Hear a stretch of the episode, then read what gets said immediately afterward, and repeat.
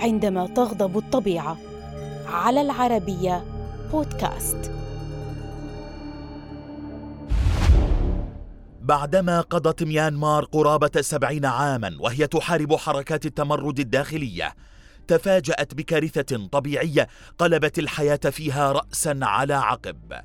إعصار مدمر قتل 140 ألف شخص وشرد أكثر من 800 ألف آخرين وتسبب في تدمير أكثر من 700 ألف منزل. والسبب إعصار نرجس في ميانمار عام 2008 في السابع والعشرين من أبريل من عام 2008 تشكل إعصار قوي في منطقة خليج البنغال وراحت قوته تزداد وأخذ بالتحرك بسرعة وصلت إلى 165 كيلومترا في الساعة باتجاه ميانمار.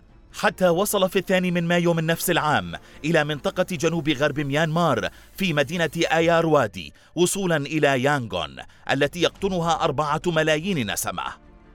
وبلغت ذروة الإعصار في أيار وادي عندما وصلت سرعة الرياح إلى 217 كيلومترا ما يعادل إعصارا من الفئة الرابعة. تسبب الإعصار والهطول الغزير للأمطار في إغراق منطقة الدلتا في أيار وادي المكتظة بالسكان. فقد كان يقطنها أكثر من سبعة ملايين نسمة وامتدت الفيضانات لتغطي قرابة خمسين كيلومترا من الساحل صانعة جدارا مائيا. وصل ارتفاعه إلى ستة أمتار. تاركة عددا لا يحصى من الجثث. وفي بلدة بوغالاي وحدها قتلت المياه عشرة آلاف شخص بسبب غمرها بالمياه. وتسببت الرياح والفيضانات والهطول المطري في شل الحياة تماما. وقطعت الكهرباء على جميع أرجاء المدينة التي كان يسعى سكانها إلى الهرب من هذا الإعصار المميت. تسبب الإعصار في أزمة غذائية كبيرة استمرت لوقت طويل.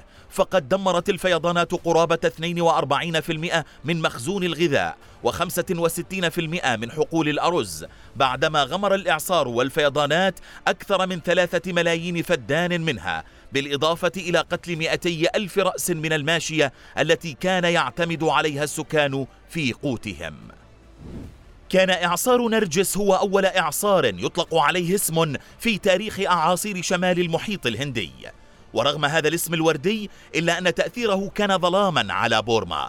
وارتبط اسم نرجس بكارثة أودت بخسائر بشرية وصلت إلى 140 ألف شخص.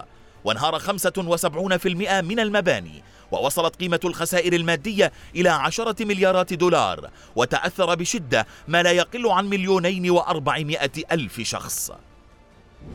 انتهى تأثير إعصار نرجس الذي اعتبر من أكثر الأعاصير الاستوائية التي ضربت شمال المحيط الهندي فتكا. وفي السنوات العشر التي تلت العاصفة عملت ميانمار على تطوير تقنيات التأهب للكوارث.